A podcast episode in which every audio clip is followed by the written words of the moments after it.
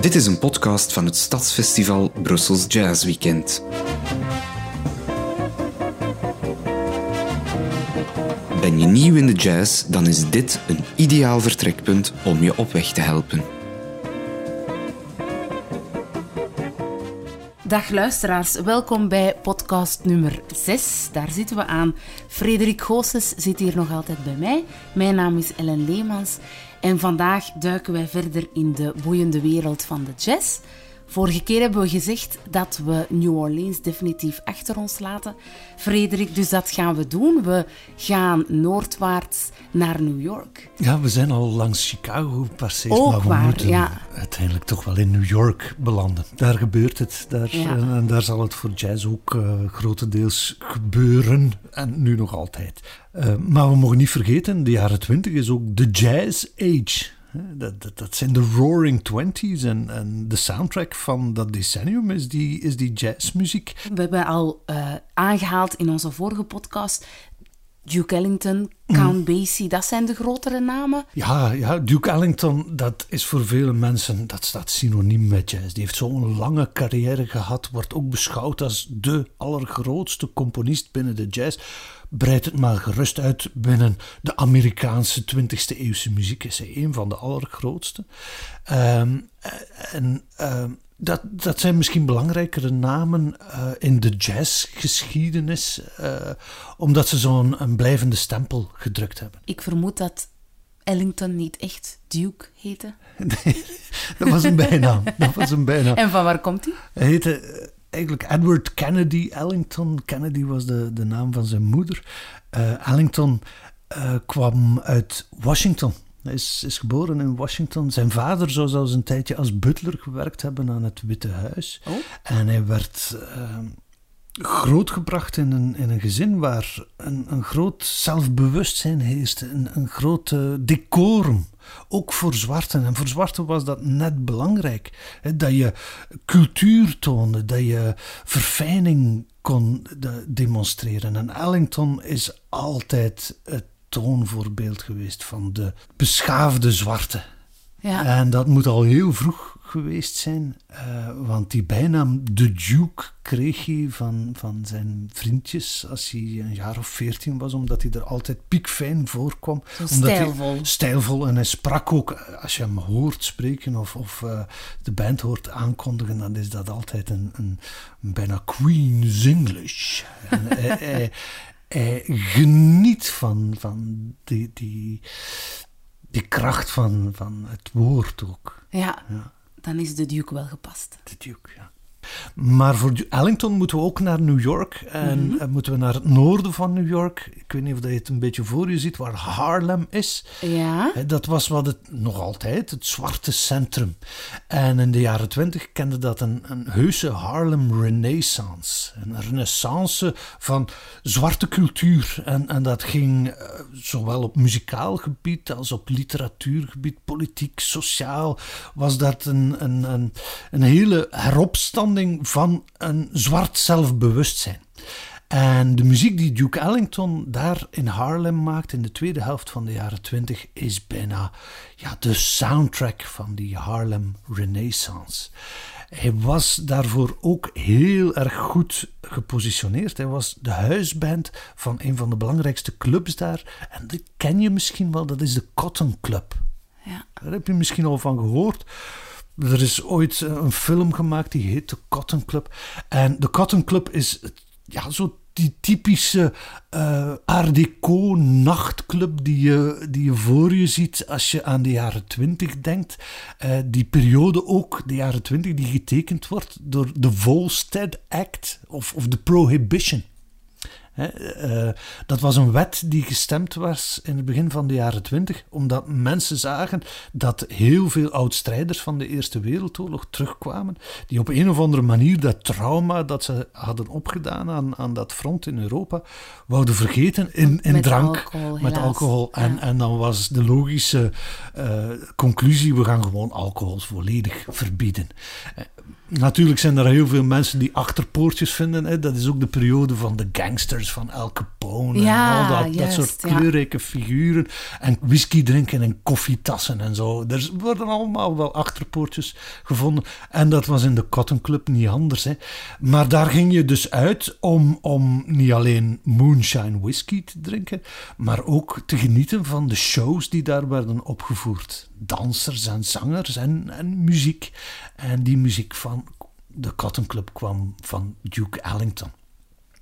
Bovendien gingen daar ook wekelijks radio-uitzendingen eh, door. Live radio-uitzendingen, waardoor dat publiek van Duke Ellington, dat normaal gezien beperkt werd door de omvang van dat clubje, plotseling nationaal werd. Die bereikten ineens veel meer mensen. Ja, vandaar is Ellington ook wel zo belangrijk. Ja, luisteren wij naar iets van hem in die periode? Ja, ja, eh, we zullen misschien eens luisteren naar zijn signature tune. Een, een stuk dat hij lang als lijfstuk gebruikt heeft tijdens concerten, jarenlang. Eh, en dat heet East St. Louis Toodaloo. Toodaloo, dan denk je onmiddellijk aan... eh, dag, hallo. Toodaloo, salut. oh, oh. Maar het, het is eigenlijk een soort verbastering van Toadlow. En Toad, dat is een pad. En Low, die, die zit laag op de grond. En dat was de bijnaam van een, eh, een man die werkte aan de haven van East St. Louis. East St. Louis, Toad Low. En dat was een kerel die zijn hele leven lang gespendeerd had met het, de, de vracht halen van die grote rivierschepen. En, en zijn rug was gekromd door die jaren van, van gewicht op zijn, op zijn eh, rug te dragen. En vandaar had hij de bijnaam Toadlow. En de muziek, ja, in mijn verbeelding zie je min of meer die haven in East St. Louis op een, op een ja, mistige ochtend. De, de, zon is nog niet goed doorgebroken. Je ziet schimmen komen, havenwerkers die, die net toekomen om aan een werkdag te beginnen. En, en de sfeer is een klein beetje kabbelend. Alsof het water tegen de kades klotst. Dat, dat gevoel. En dan plotseling verandert die muziek. De kleur verandert totaal. En, en de zon breekt door. En de muziek gaat van dat kabbelende mineur, dat, dat, dat wat mysterieuze gevoel, naar een exalterend majeur. Dat is zeer, zeer mooi. hè. Ongelooflijk hoe je altijd heel veel nieuwsgierigheid kan opwekken, Frederik. Ik ben benieuwd. Ja,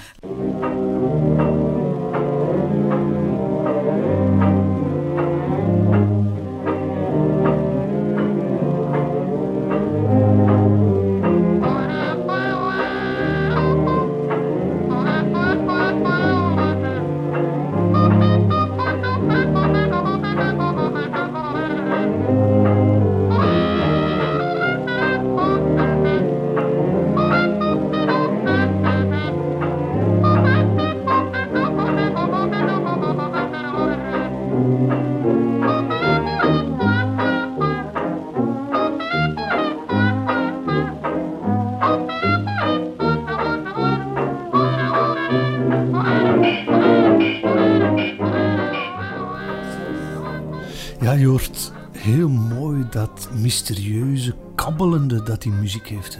Die, die instrumenten spelen ook nooit op hetzelfde volume. Er zit heel veel dynamiek in. Sommige noten groeien echt. En, en dat is dat effect dat je hebt van een golf die tegen een kade botst.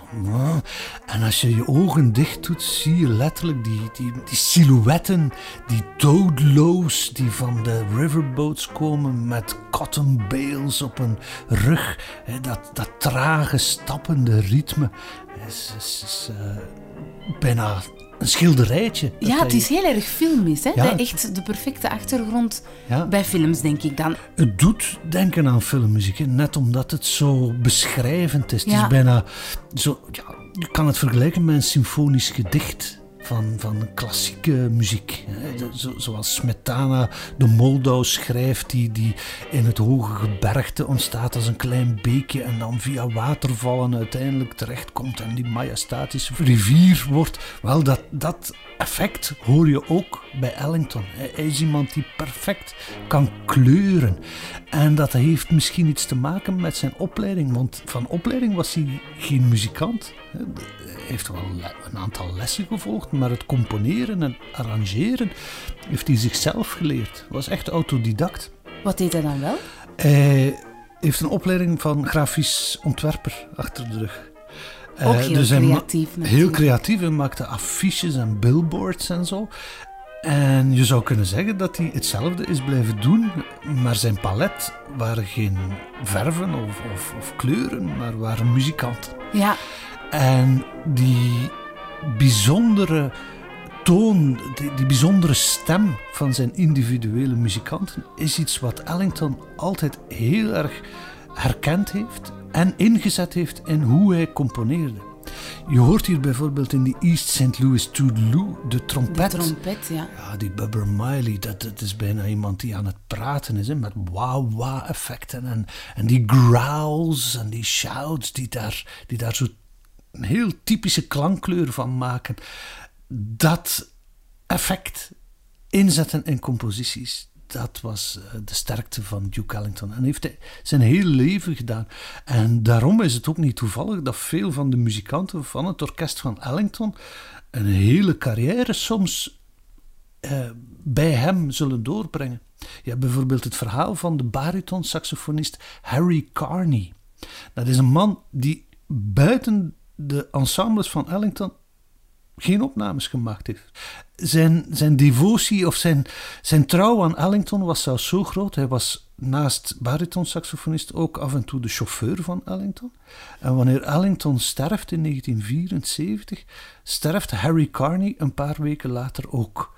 Dus die twee waren muzikaal en persoonlijk aan elkaar verbonden bijna. Hè? Ja. En, en dat is Ellington. Ik kan het nog mooi illustreren met een ander luistervoorbeeld. Oké. Ja, uh, dit is een van de allergrootste hits van Ellington. En dat ga je waarschijnlijk, hoop ik, kennen. het stuk heet Mood Indigo. Zegt de titel zegt mij nog niets. Nee, nee. Maar dat wil niks zeggen, Maar indigo, hè, een kleur, dat, in veel titels van Ellington komen kleuren. Uh, dat is weer dat expressieve, dat beeldende. Ja. ja.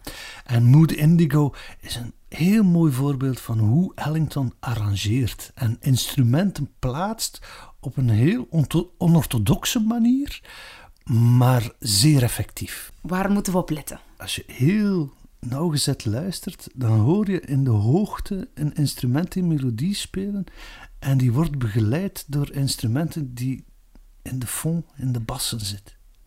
En normaal gezien verwacht je een instrument als een klarinet bijvoorbeeld, die herinnert je nog uit New Orleans, die kronkelt hoog in de lucht rond de cornetten.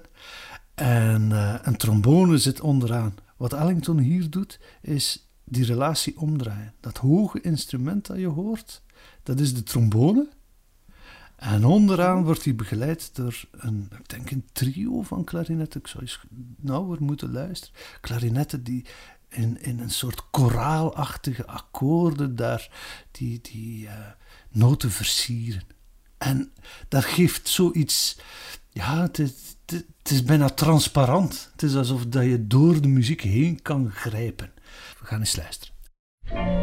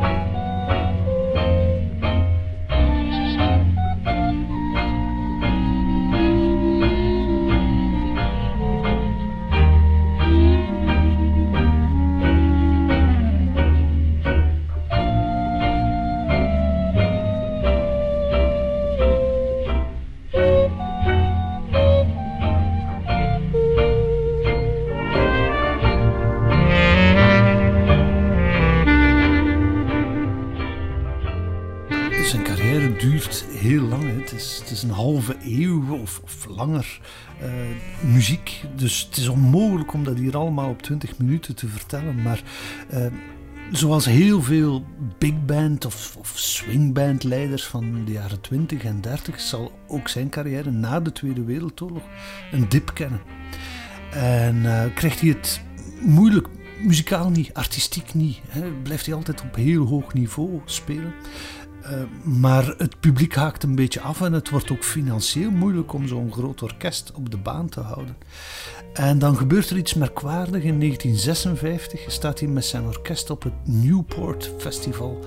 Um, een van de grootste jazzfestivals tot op de dag van vandaag in Amerika.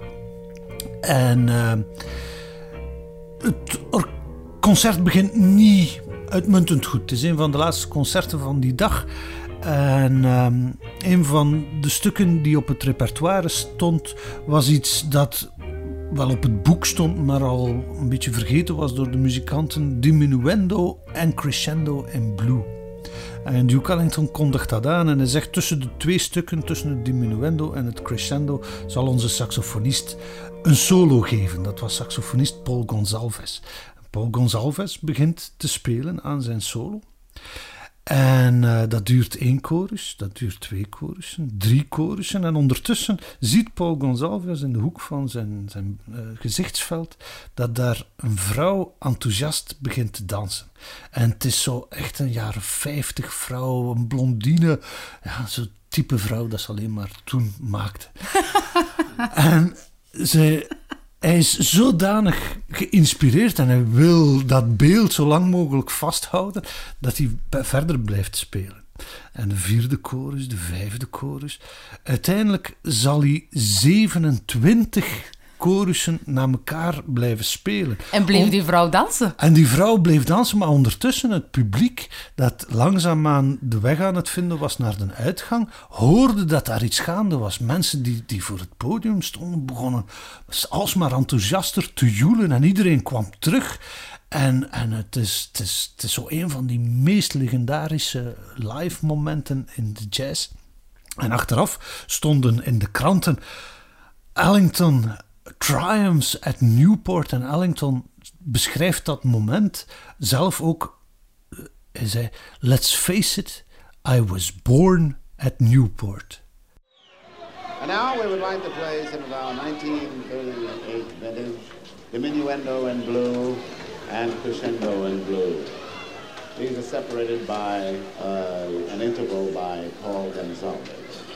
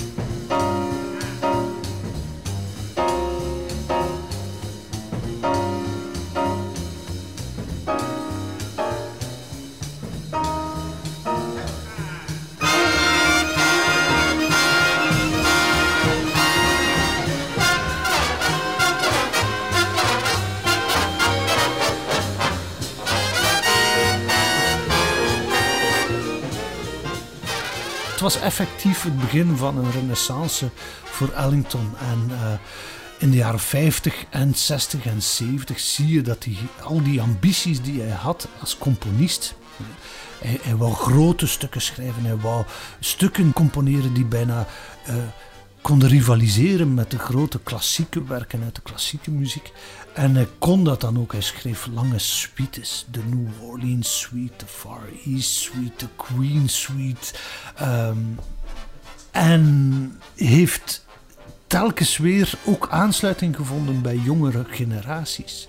Hij maakt bijvoorbeeld een plaat met John Coltrane. Daar gaan we het zeker later nog over hebben. Hij maakt een plaat met Charlie Mingus en Max Roach. Dat waren de jonge wolven van toen, van de jaren 60. Mensen die hij ook toeliet in zijn wereld. En omgekeerd die hem uh, ja, ook introduceerde bij een steeds jonger wordend publiek. Dus Ellington is echt een van de allergrootste giganten. Zijn moeder zei altijd over Ellington: Zoon, jij bent buiten categorie. Beyond category. Met dat idee is hij opgegroeid en hij is het effectief geworden. Hij is een van de aller, allergrootste.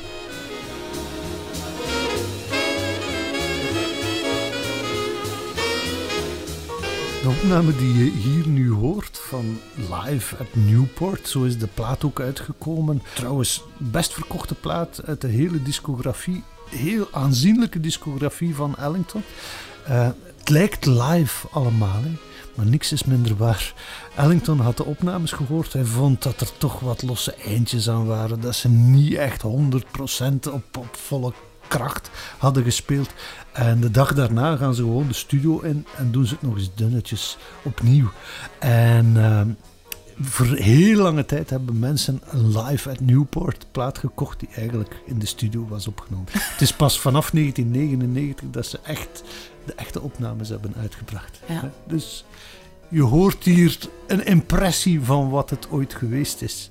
Maar de foto's van de vrouw, uh, die kan je nog altijd vinden op internet. Ik ben heel super nieuwsgierig. Ja, ja, als ja, die je, ga ik eens zoeken. Ze, zij, ze kwam ook in de kranten en zo. Ah, ja. Moet je echt zien. Moet je echt zien. Fantastisch. Ik vond dit ook al een beetje dansbaarder. Ja, ja, ja. ja. En, en daar was ik eigenlijk op aan het hopen. Dat swingen, die big band. Het is wel een big band, maar dat is niet wat ik met big band associeer. Ah, ja, ja, ja. Veel van die dingen zijn, zijn meer kleurend en schrijvend en beeldend en en uh, mikken misschien niet onmiddellijk op de benen, maar we gaan naar de volgende podcast zeker en vast ah. goed maken als we het hebben over Count Basie. Echt beloofd. Fantastisch. Bedankt en bedankt voor het luisteren. Tot de volgende.